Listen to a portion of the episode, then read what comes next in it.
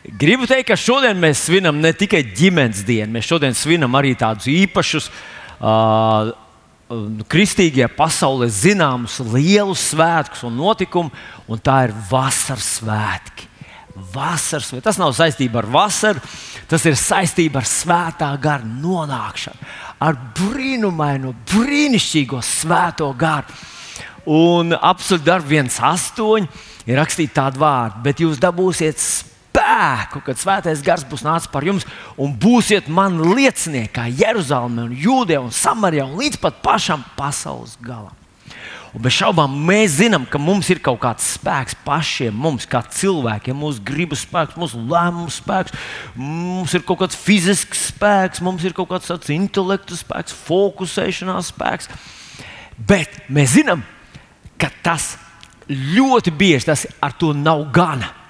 Un mēs varam rēķināties ar vēl kādu spēku, un tas ir Dieva svētā gara spēks, ko citreiz mēs mazliet sajūtam. Citreiz nejūtam nemaz, bet kā mēs šodien dzirdējām, kā mēs arī kopīgi dziedājām, arī kad nejūtu, es zinu, tu dari, arī tad, kad nesaprotu, es zinu, tu dari, arī tad, kad izskatās, ka nekas nenotiek, es zinu, Dievs karo manā pusē, palīdz man, Dievs ir ar mani. Un, ja mēs runājam par, eh, par eh, to pašu apstuļu darbu 1,8. Jūs dabūsiet spēku, kas vajadzēs gars būs nācis par jums un būsiet mani liecinieki. Halleluja! Mīļie draugi! Jūs zināt, ka īstenībā Dievs mūs visus ir sūtījis būt par lieciniekiem tajā pašā nepievilcīgākajā un grūtākajā vietā. Marka evanģēlijā 5. nodaļā, 19. pantā pie Jēzus pienāk vīrs, kur Jēzus bija tikko atbrīvojis no ļauniem gariem. Viņš bija rītīgi apsēsts, tā ka pilsētas no viņa baidījās. Un viņš atnāk un saka, Jēzum, ļauj man iet tev līdzi, es tagad esmu brīvs. Aleluja, es vairs negribu atgriezties vecajā dzīvē. Un es atceros, ko Jēzus viņam saka. Jēzus viņam saka, ej atpakaļ pie savējiem pie savas ģimenes, ej uz savām mājām un stāsti viņiem, ko tas kungs pie tevis ir darījis. Uz mājām mēs zinām, ka pravietis savā mājās netiek pieņemts. Vai ne? Jēzu nepieņēma lielos, lielos vecās derības spilgtos praviešus, kas lika ugunī krist no debesīm, kas tur pāršķēla Jordānu un vēl uguns ratos devās uz debesīm. Te visā pasaulē cilvēki nesmirojas, bet viens bija pravietis, kurš ugunīgos ratos aizbrauca no šīs zemes. Tādus cilvēkus nepieņēma viņa tuvinieki. Un tomēr Jēzus visus mūs sūtīja pie mūsu ģimenes, pie mūsu tuviniekiem. Un viņš teica, jūs dabūsiet spēku un būsiet man liecinieki, kur. Tieši par šo es šodien gribu mazliet parunāt. Un eh, es centīšos to izdarīt ātri. Un gribu paturpināt to ļoti labo tradīciju, kur iesāka jau iepriekšējā svētdienā mācītāja līga, uzdodot mums jautājumus. Un līga, jūs zināt, ir mazliet tur to psiholoģiju, visur tur, tur, tur lasījusi, un pētījusi un meklējusi. Un viņi man ik pa laikam saka, ka vislabākais, vislabākās atbildes ir tās, kuras cilvēks atrod pats ka tu viņam uzdod jautājumu, un viņš pats atbild uz to jautājumu. Un viņš atrod to īsto, pareizo atbildi. Un esmu iesācējis tikai šajā lauciņā, bet mēģināšu uzdot kādu jautājumu šajā rītā arī visiem tiem, kas jūs esat šeit zālē, un arī tiem, kas uh, esat pievienojušies tiešsaistē. Bet, lai es to varētu izdarīt, man ir jālūdz jums atvērt jūsu bībelītes vaļā pirmā vēstulīte Timotejam, 5. nodaļa, astotais pāns būs virsrakstīns virs, virs manas uzrunas šajā ģimenes dienas rītā un maija mēneša pēdējā dienā, pēdējā svētdienā. Tātad 1. Timotejam 5, 8. Un tas ir tāda ļoti brīnišķīga rakstvietiņa, kuras es ticu, ka visi mēs ik pa laikam pie viņas pavadām ļoti ilgu laiku, domādami, ko tad, ko tad Tūlīt es atradīšu 1. Timoteja 5, 8. Nu, Rekurs lasa to brīnumaino, brīnišķīgo tekstu. Bet, ja kāds negādā par saviem, visvairāk par saviem mājas ļaudīm, tad viņš ir aizliedzis ticību un ļaunāks par neticīgu. Nu, iesāksim vispirms ar to, ka aizliedzis ticību un ļaunāks par neticību. neticīgu. Diemžēl mūsu latviskajā tekstā to nevar atrast, bet es palasīju komentārus, ko tādi īsti dzīvi, Bībeles, progresīvi Bībeles pētnieki saka. Tad viņi apgalvo, ka šeit, šajā vietiņā, nav lietots tas vārds, ka nu, tu esi savu ticību jēzum aizliedzis. Te ir runa par to, ka šie cilvēki, kas nerūpējas par saviem mājas ļaudīm, par savu ģimeni, ka viņi ir aizlieguši to ticības doktrīnu. Nav pazaudējuši ja mēs runājam tādās vienkāršās kategorijās, te nav apgalvojums, ka tāds, kurš negādā par saviem, viņš ir pazaudējis pestīšanu un iet uz elli. Te ir runa par to, ka viņš dara pilnīgi pretēji tam kristīgajam principam, tam bibliskajam, pareizajam, kristīgajam principam. Un ko tas nozīmē? Tas nozīmē, ka visai tavai mīlestībai, tavai ticībai, tavai žēlsirdībai, taviem labajiem darbiem ir jāsākas ģimenē. Taviem tuviniekiem, taviem ģimenes locekļiem būtu pirmiem jāsajūt tā pārmaiņa, tā lielā pārmaiņa, kas notika, kad tu no tumsas ienāci gaismā, ka tu no ienaida iegāji mīlestībā, ka tu tagad no tādas egoistiskas dzīves modeļa esi kļuvis par Kristus sekotāju, un Viņš ir piepildījis tavu sirdi ar mīlestību. Taviem pašiem tuviniekiem, tuvākajiem, to būtu jāsajūt ļoti liela garantija, ka viņi to uzreiz nepieņems. Un mēs redzam, ka pat Jēzus brāļi neticēja Jēzum. Mēs zinām, ka Jēzus bija ideāls. Jēzus bija absolūta teoloģija, rīcībā, ideāla. Un Jēzus brāļi viņu nepieņēma kā mesiju no sākuma. Bet vēlāk viņi visi kļuva par Jēzus mācekļiem. Un es pie sevis tikai iedomājos to skatu, ka Jēzus jaunākie, nu, brāļi. Protams, viņi nebija īsti brāļi, viņi bija pusbrāļi. Viņi bija no mammas tikai. Ka viņa brāļi pielūdz viņu. Un iedomājieties, viņa jēzus, tu esi mans kungs, mans glābējs, man taisnība. Es tev pielūdzu, godu un slavēju. Viņi dziedāja slavēšanā, viņi lūgšanā lūdz debes tēvu Jēzus vārdā. Un viņiem bija tā, tā, no sākuma bija tas iekšējais konflikts, un kā viņš man te blakus bija. Es redzēju, viņš bija īsts cilvēks. Un vēlāk viņi saņēma šo atklāsmu un noticēja Jēzum kā mesijam, Dieva dēlam, Dieva trīsvienības uh, vienai no personām.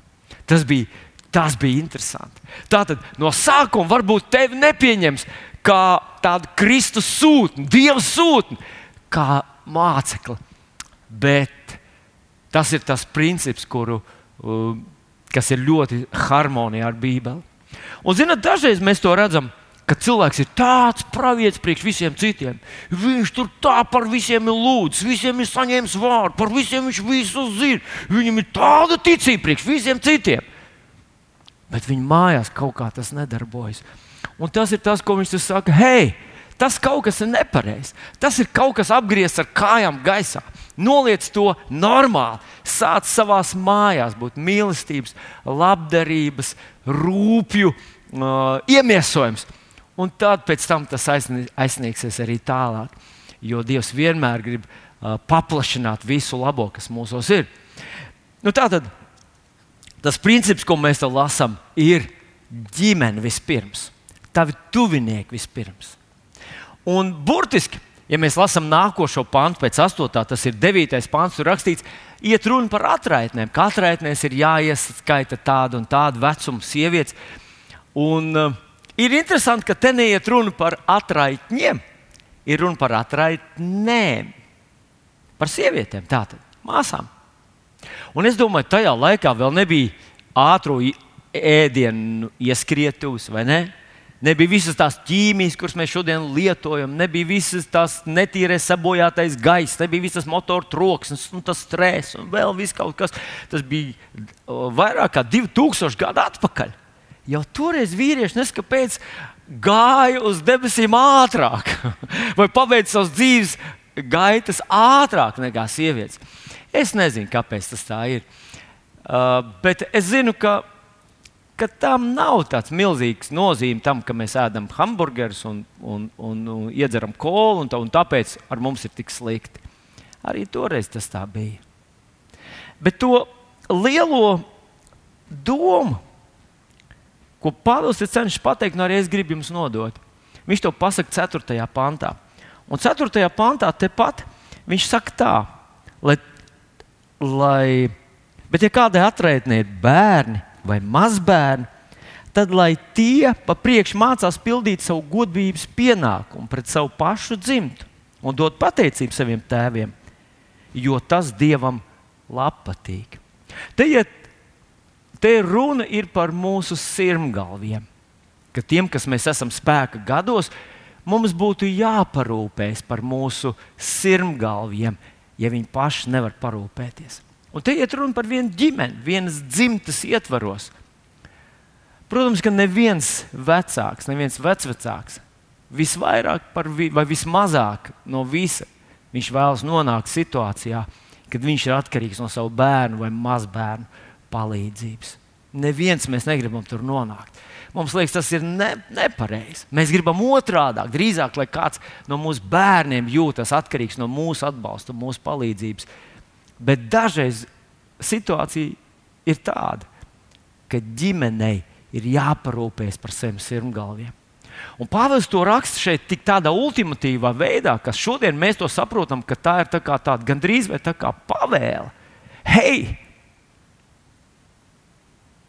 bērni un mazbērni, ja jums ir, kā viņš te saka, atraitne, vai jums ir sirmgāvs jūsu ģimenē, kad jūsu tēvs vai vectēvs vai vecmāma vai, vai, vai mamma, un viņu pēdējās, tas dažreiz mums vajag palīdzību sākumā, dzīves sākumā arī beigās.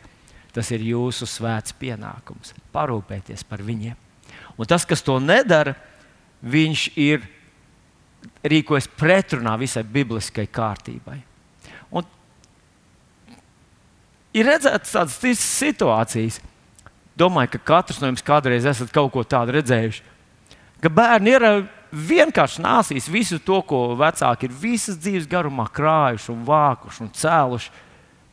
Un tad aizsūta, aizsūta uh, sirmgalvi uz kaut kādu vienkāršu tālu, neapskaužamu vietu, kur viens pats svešumā aiziet mūžībā. Tam tā nevajadzētu būt. Es zinu, ka tās situācijas nav viennozīmīgas un vienkāršas, bet tieši tas ir tas, ko viņš šeit saka parūpējies par saviem tēviem un saviem vectēviem vai saviem senčiem. Bet man ir arī otra, de, otra doma, ko gribu šodien pateikt ģimenes dienā, un tā ir maķinīt priecīgāk. Un te iet runa par bērniem. Bērni.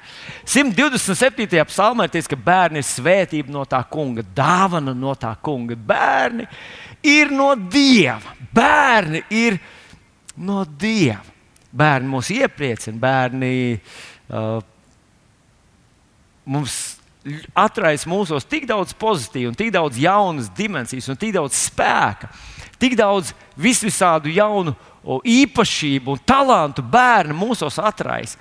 Un mēs par viņiem priecājamies ļoti. Un tepat To pašu varētu teikt, ka tas, kurš nerūpējas par saviem bērniem, arī rīkojas pretēji bibliskai doktrīnai, bibliskai kārtībai. Mums, vecākiem, tēviem, mātēm, ir jārūpējas par saviem bērniem.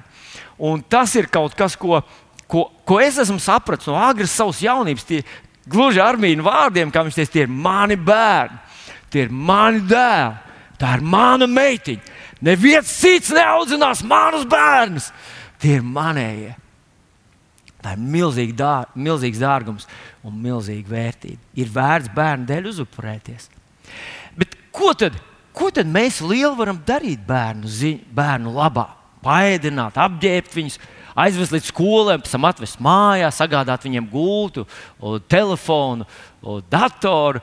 Ko tad vēl?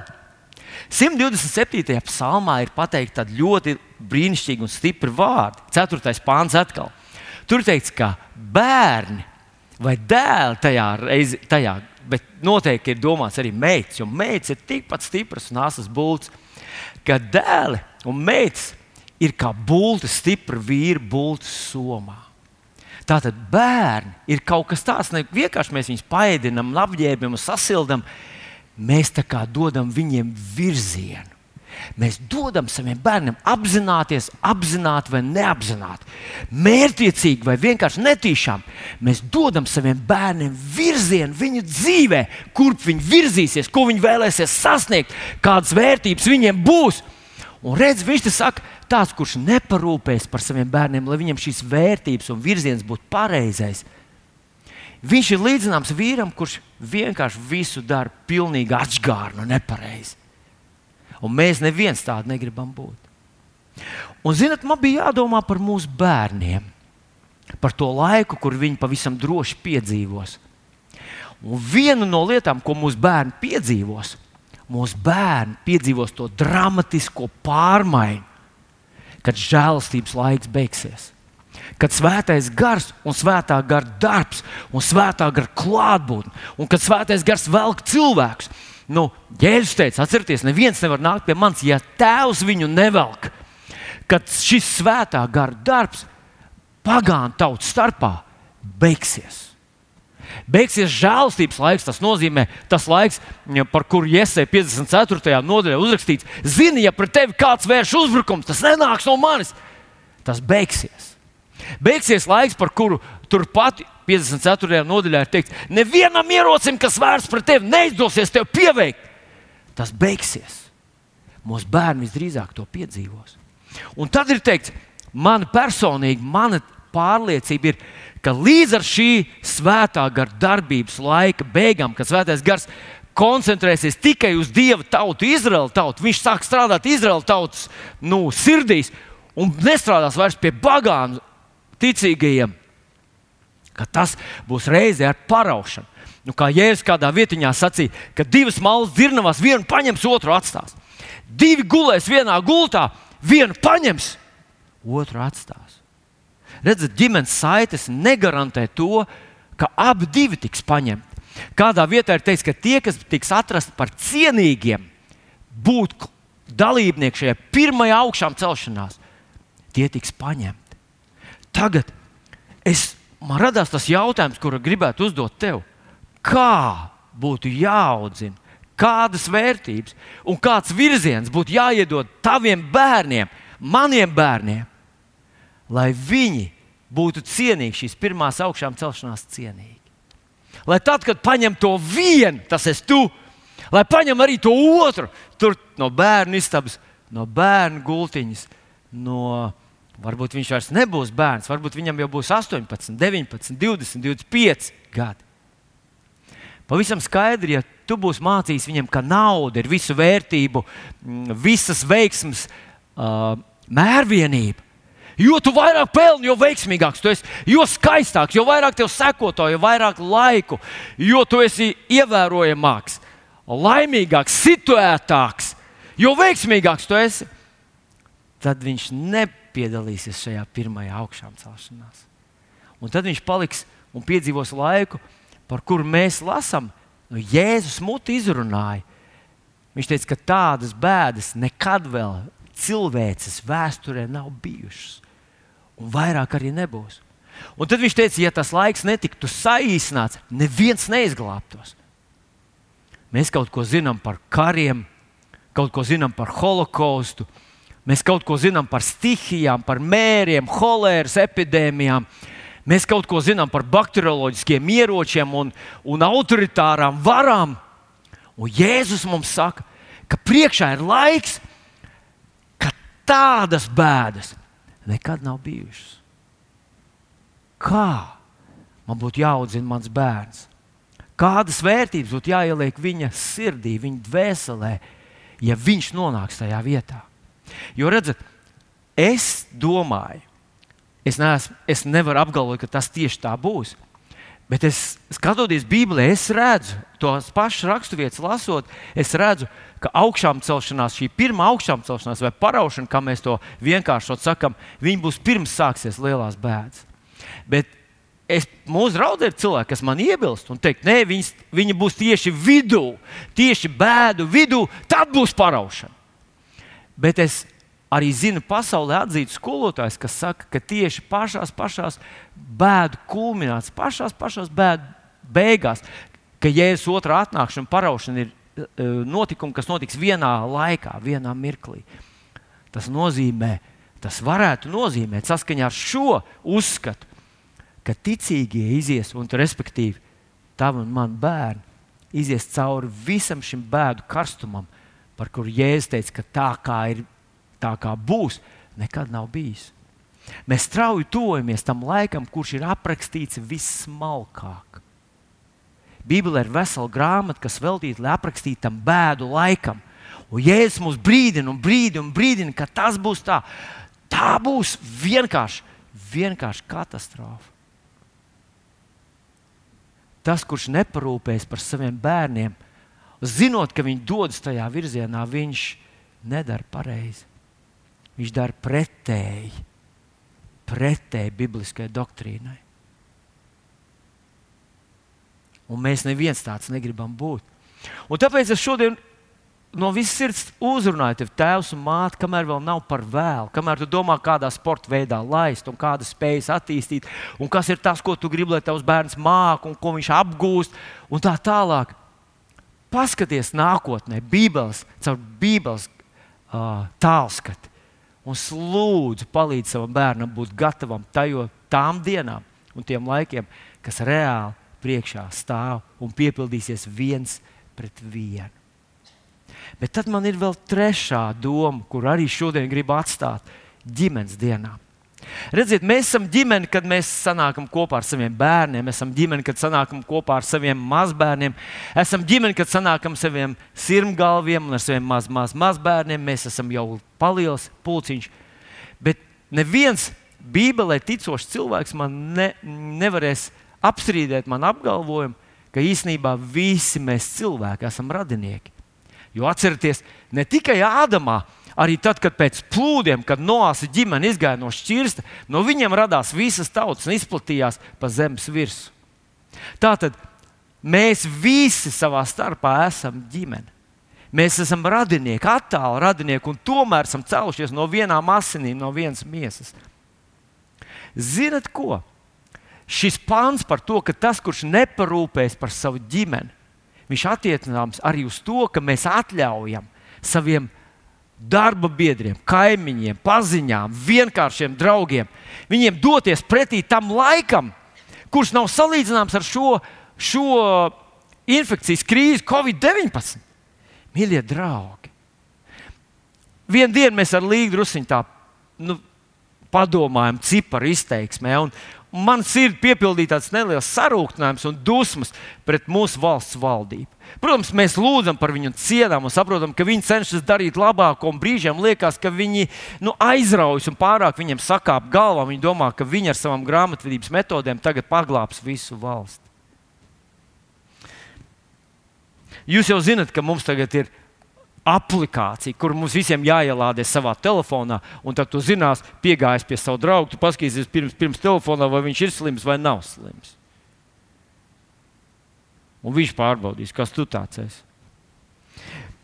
Domāju, ka visi jūs zinat, ka no Covid-19 Latvijā visu šī perioda laikā ir nomiruši 24 cilvēki. Tās ir pēdējās ziņas. 24 cilvēki ir nomiruši ar kaut kādām citām, parasti visādām citām kaitēm, bet bijis arī.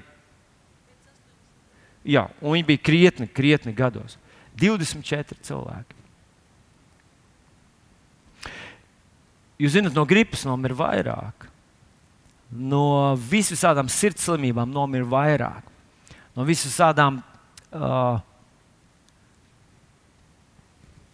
vispār Vispār Latvijā visas šīs krīzes laikā ir saslimuši nedaudz virs 1000. 1066 cilvēki saslima ar covid-19. Man biedēja cipari, kad es palasīju par AIDS, HIV AIDS uh, statistiku. Un viņi teica, apmēram Latvijā apmēram bija ap 2000 HIV AIDS slimnieku.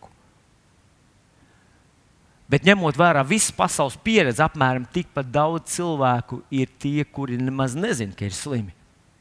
Jo tas, tas uh, apslēptais periods, tas latentais periods, HIV-aids, var vilkties pat desmit gadus. Un tad tā, tas pētnieks saka, ka tas nozīmē, ka Latvijā šodien ir 1800 HIV aids slimnieku, kuri nemaz nezina, ka ir slimi ar šo slimību, brīvi staigā apkārt pa Latviju un izplata šo sērgu.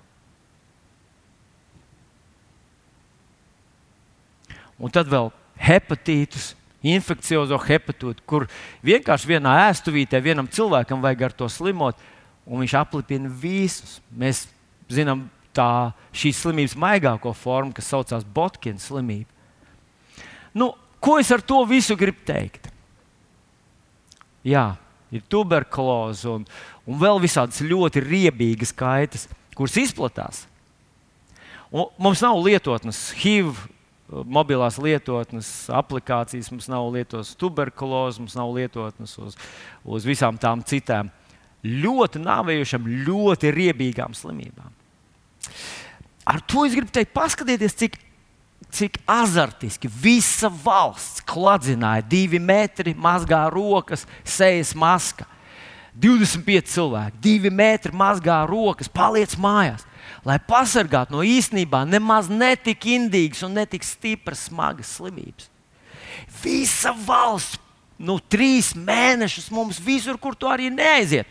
Atver telefonu, valē, paliec mājā, paskaties savā datorā, paliec mājā, parādās premjeras, paliekat mājās, pa parādās uh, aizsardzības ministrs, paliekat mājās, ienākat kafejnīcā, paliekat mājās, paliekat mājās, paliekat mājās.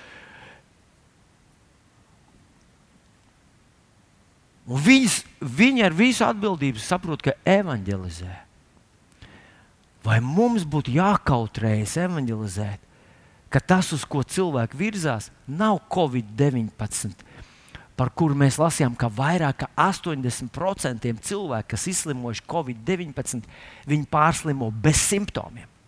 Nu, vai tad mums tā atcerieties? Mums tā, mums tā bija ierasta parādība. Pareizi, divas dienas tāds iesnas, kaut kas tāds drūzis, bet, bet pšu, pārgāja slavu Jēzum. Un, nu, Puse valsts mēs esam iztaigājuši kaut ko tādu, kas tas bija. Nezinu, bet paldies Dievam, jau viss ir beidzies. Iespējams, iztaigājuši mēs esam to Covid-19 ilgi pirms viņš atnāca uz Ķīnu. Nu, tā ir tikai, tikai tāda mana versija. Un viņi nekaunās mums klādzināt, cik uzņēmumi ir bankrotējuši, cik mākslinieki ir pazaudējuši savas algas, un, un, un vēl viss kaut kas ir noticis. No salīdzinoši netik smagas slimības.